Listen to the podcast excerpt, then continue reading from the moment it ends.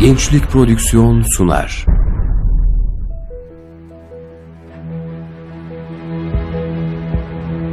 Bizim davamız İslam'dır. Gayemiz Allah'ın rızasını kazanmaktır.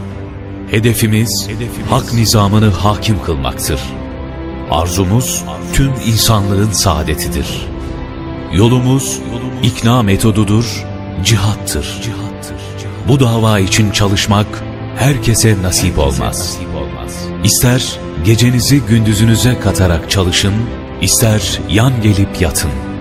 Bu hak davanın başarısını ne bir gün öne alabilirsiniz ne de bir gün geciktirebilirsiniz.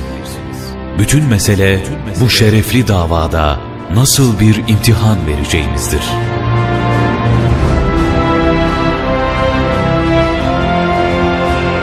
Profesör Doktor Necmettin Erbakan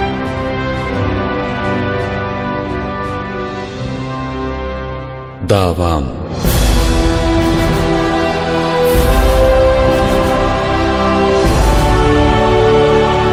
Profesör Doktor Necmettin Erbakan'ın kendi kaleminden mücadelesi, hedefleri ve yaşadıkları. Seslendiren Arif Bildirici. Kayıt montaj Ali Güngör.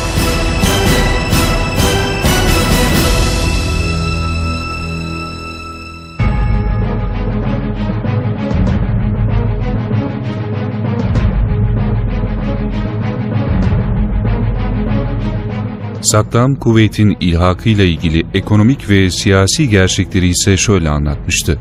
Bilindiği gibi Irak'la Kuveyt arasında bugüne kadar bir sınır çizgisi tespit edilmemiştir. Yıllardan beri Irak'la Kuveyt arasındaki görüşmelerde bir ihtilaflı bölgenin sözü geçmiştir. Bu ihtilaflı bölge Basra Körfezi'ndeki Bubiyan ve Vorba adalarını kapsadığı gibi Kuveyt topraklarının da takriben yarısını içermektedir. Bu bölge İran-Irak savaşına kadar kuvvetli aramızda bir tampon bölge olarak kalmıştır. Bu tampon bölge son derece zengin petrol yataklarına sahiptir. Buradaki rezervler Kuveyt'in toplam rezervlerinin takriben yarısı kadardır ve yer altından bizim petrol yataklarımızla irtibatlıdır. Buradan petrol çekilirse bizim kaynaklarımız zayıflamaktadır ve üretimimizin verimi düşmektedir.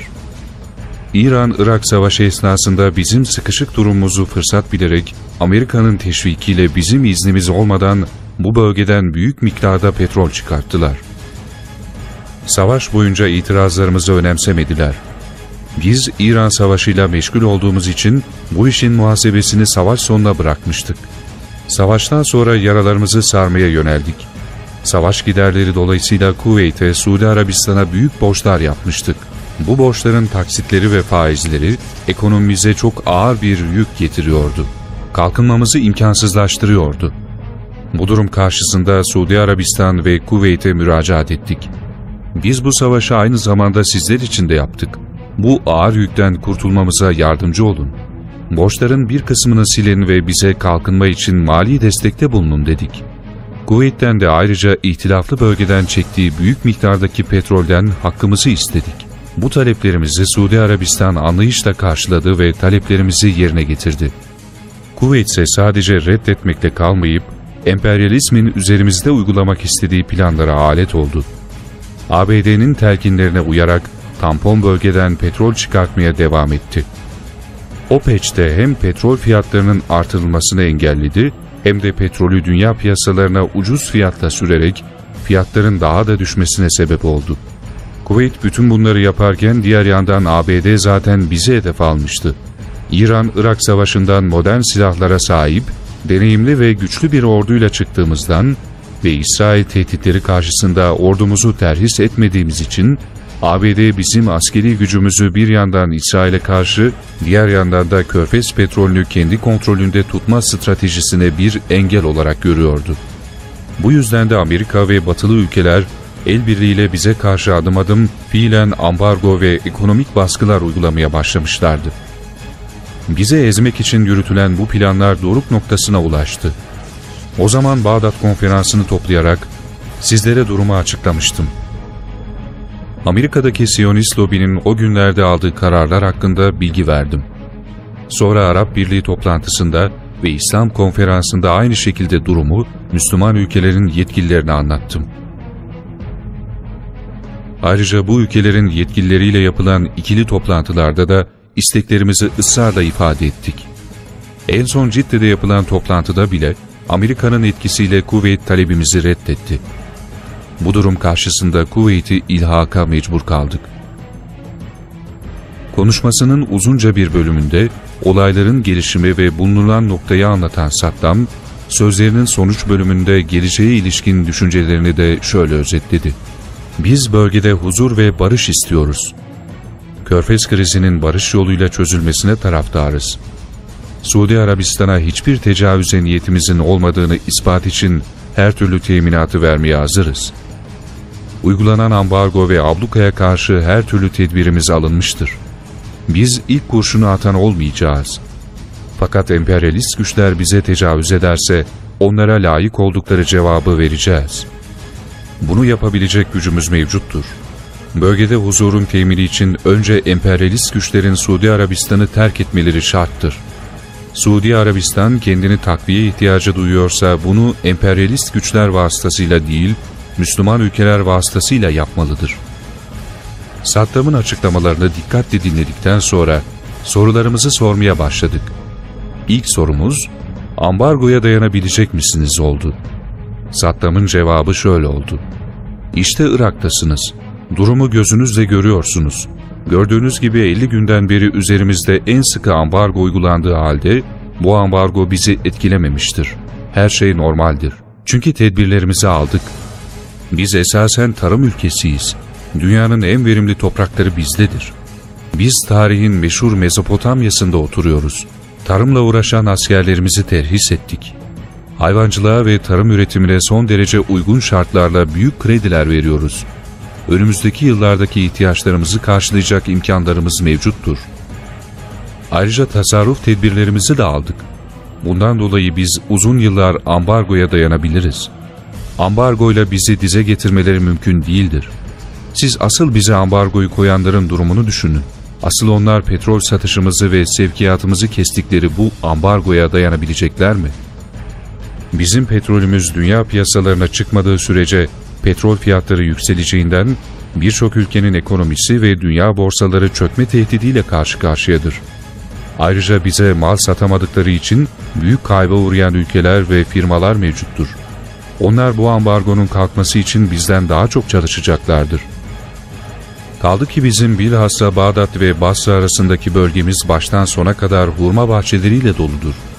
Yıllık hurma üretimimiz 2.7 milyon tondur. İlmi raporlarda da belirtildiği gibi hurma insanın her türlü ihtiyacını karşılamaya yeterli bir besindir. Onun için Iraklılar gerekirse yalnız hurma ile bile yıllarca yaşayabilirler. Sayın Saddam Hüseyin'le 3 saat süren görüşmeden sonra saraydan yeni bir günün başlangıcında sevinçle ayrıldık. Çünkü görüşmenin neticesinde Saddam Hüseyin barış kapısını kapatmamıştı. Tam tersine açıkça biz barış istiyoruz diyordu. Bundan başka bizden önce Körfez'de barışın tesisi için kendileriyle temas eden Birleşmiş Milletler Genel Sekreteri Perez de Cuellar'a ve bu maksatla Irak Dışişleri Bakanı Tarık Aziz'in Moskova'da yaptığı görüşmede Sovyet Dışişleri Bakanı Eduard Shevardnadze'ye Irak'ın görüşmelerini açıklarken Kuveyt Irak'a ilhak olmuştur ve Irak'ın 19. vilayetidir. Bu konu kapanmıştır. Üzerinde hiçbir görüşme yapmayız demişlerdi. Halbuki bizimle yaptığı uzun görüşme esnasında Saddam Hüseyin böyle bir söz söylemedi.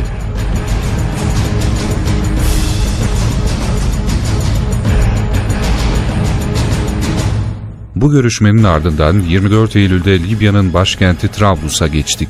Müslüman ülkelerden 600'e yakın ilim, fikir ve devlet adamının iştirak ettiği konferansa katıldık. Burada yaptığım konuşmada Körfez krizinin bir harp çıkmadan mutlaka barış yoluyla çözüme ulaştırılmasının faydalarını açıkladım. Konuşmamın en önemli etkisi ise konferansa iştirak eden delegelerin taraf tutmak yerine Müslüman ülkelerin hepsini kardeş bilerek barış yoluyla çözüme yönelmelerini ve ayrımcılık yerine birlik ruhunun hakim olmasını sağlamak oldu.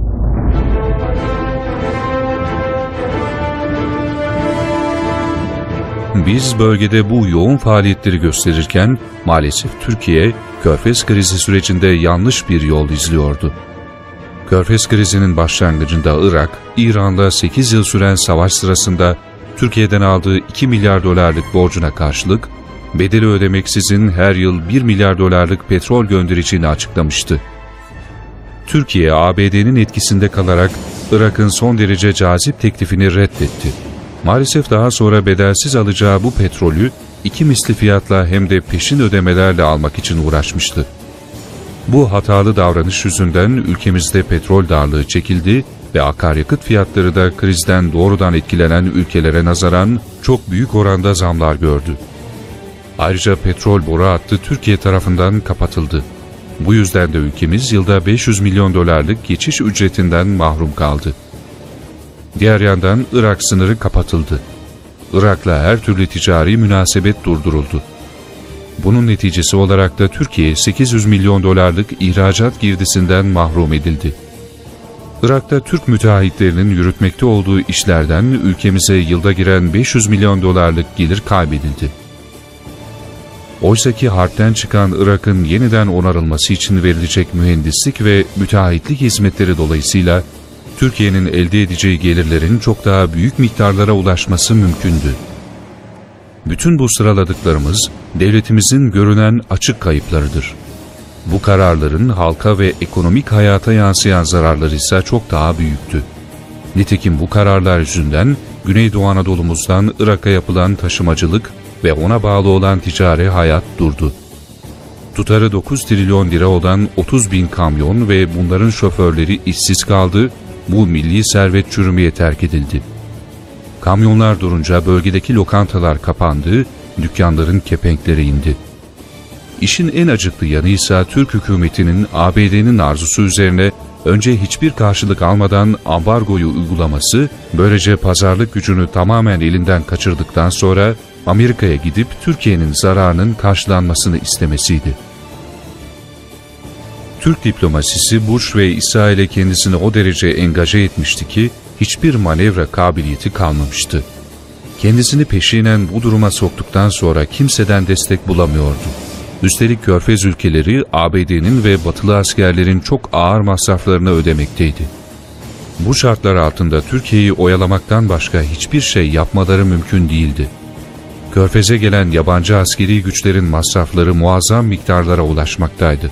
Mesela İngiliz parlamentosunda 5000 İngiliz askeri için yapılan müzakerelerde yılda 2 milyon dolarlık masraf söz konusu edilmişti. Buna göre Körfez'e getirilen 300 bin yabancı askerin masrafı inanılmazdı. Bu paranın ödenmesi Körfez ülkelerine zaten yıllarca sürecek ağır bir yükümlülüğü getiriyordu. Biz Kore'de Amerikalıların emrine asker gönderdiğimiz için bizi NATO'ya almışlardı. Türk dış politikası şimdi de aynı hataya düşüyor, Körfez krizinde yine Amerikalıların emrine asker vererek bu kez de Avrupa Birliği'ne girmeyi hayal ediyordu.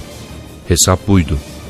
Eyhat, oysa bu hayal emperyalizmin planlarına alet olmaktan başka bir mana taşımıyordu. Theodor Herzl'ın Büyük İsrail planının gerçekleşmesine hizmetten başka bir anlamı yoktu. Nitekim ABD Senatosu'ndaki müzakerelere ve daha sonra açıklanan belgelere göre İran-Irak Savaşı'ndan sonra Amerika'nın Bağdat'taki bayan büyükelçisinin Iraklı yetkililere kuvvetin niçin almıyorsunuz diyerek yeşil ışık yaktığı ortaya çıktı. Aynı Amerikan yönetiminin kuvvet yetkililerine de sakın Irak'ın tekliflerini kabul etmeyin, arkanızda biz varız dediği de anlaşılmıştı. Bu meseleyi barış yoluyla çözmek için 22 gün 22 gece sürekli çalıştık. Konferanslarda, toplantılarda, ikili temaslarda hep bu meseleyi ve barışın nasıl sağlanacağını konuştuk.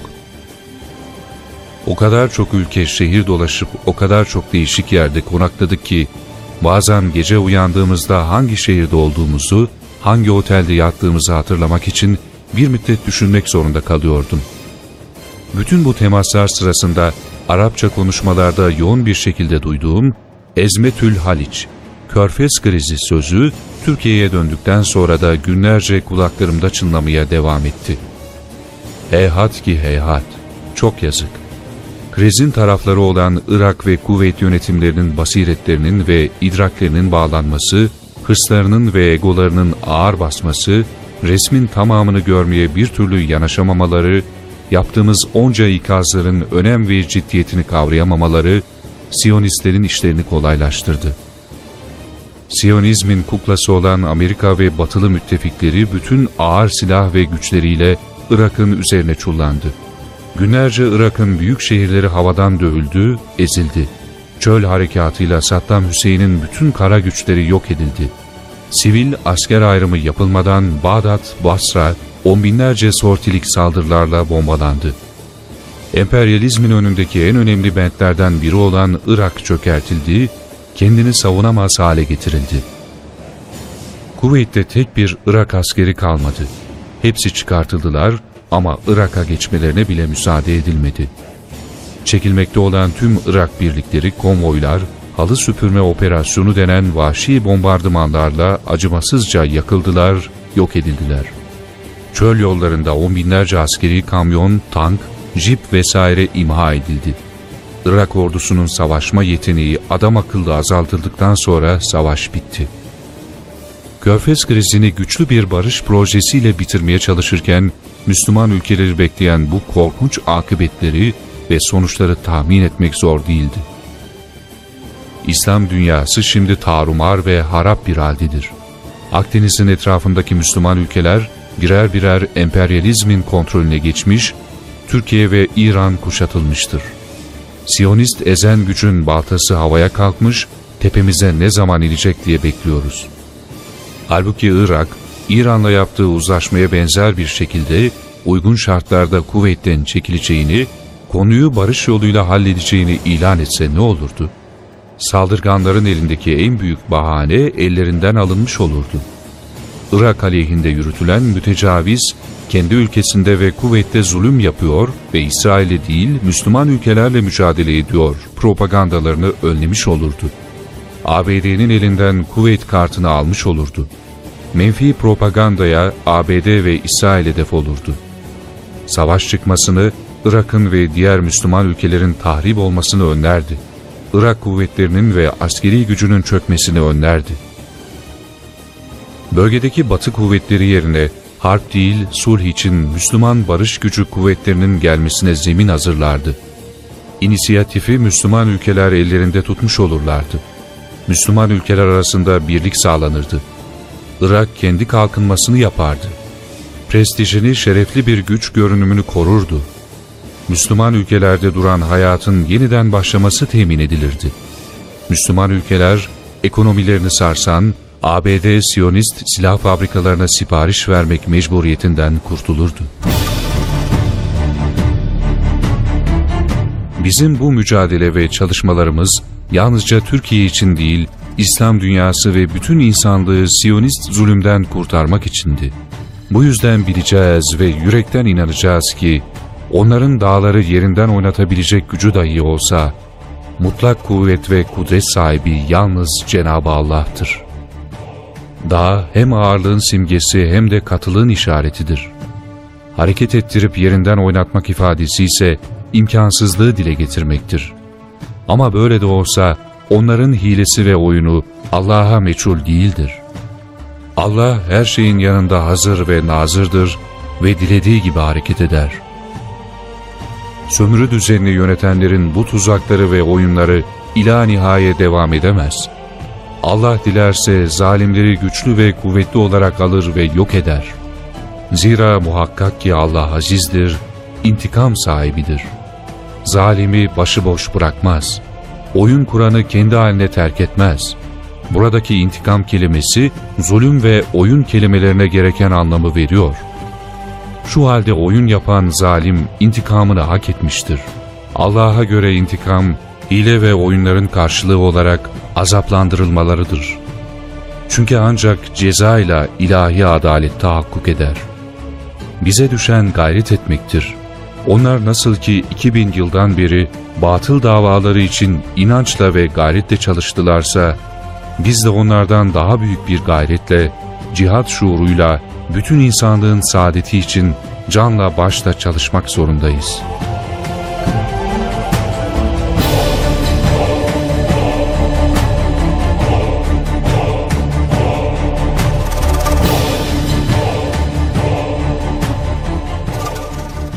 Davam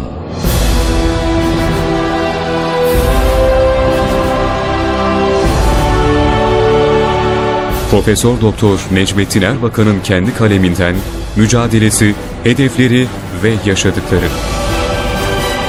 Seslendiren Arif Bildirici. Kayıt montaj Ali Güngör.